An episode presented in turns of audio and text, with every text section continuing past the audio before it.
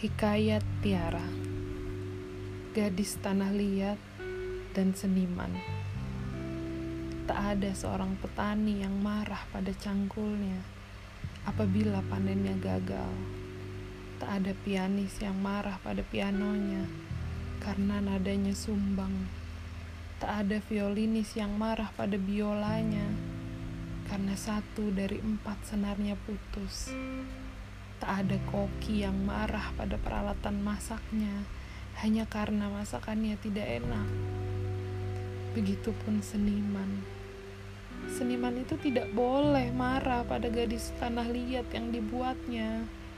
Gadis yang bisa berubah bentuk apa saja sesuai keinginan seniman itu. Jika seniman sedih, gadis tanah liat itu bisa berubah menjadi sesuatu yang membahagiakan. Jika seniman marah, gadis tanah liat itu bisa berubah menjadi sesuatu yang membuatnya tenang. Gadis itu selalu senang dibentuk, disentuh oleh seniman itu, memperhatikan seniman sibuk membuat karya yang lainnya, membangun keluarga, walaupun sang gadis hanya pajangan di galerinya. Sang gadis merasa merasakan sedihnya sang seniman, merasakan marahnya sang seniman, merasakan kecewanya sang seniman. Tapi sang seniman selalu tidak percaya bahwa sang gadis merasakannya. Dibentuk sesuai suasana hati seniman pun tak apa. Gadis itu rela. Saat sang seniman meletakkan sang gadis di etalase galerinya, semua orang datang dan menawarnya dengan uang. Sang seniman selalu menjawab, "Dia tak dijual, dia milikku." Orang-orang hanya bisa terkagum dengan sang gadis. Seniman itulah yang tahu sulitnya membuat sang gadis tanah liat.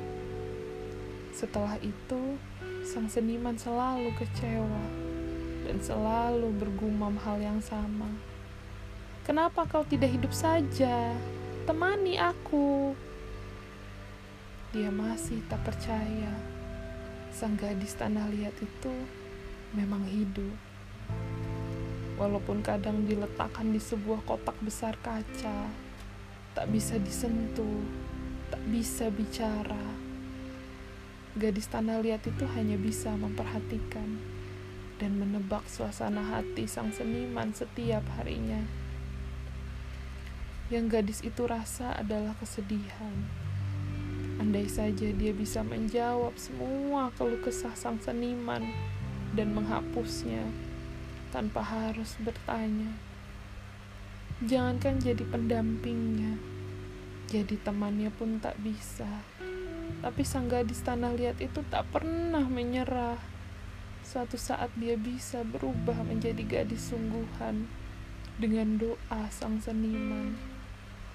Dia hanya perlu menunggu cintanya utuh dengan segala peliknya hidup sang seniman. Sang gadis mencintainya secara sempurna tanpa cacat seorang manusia.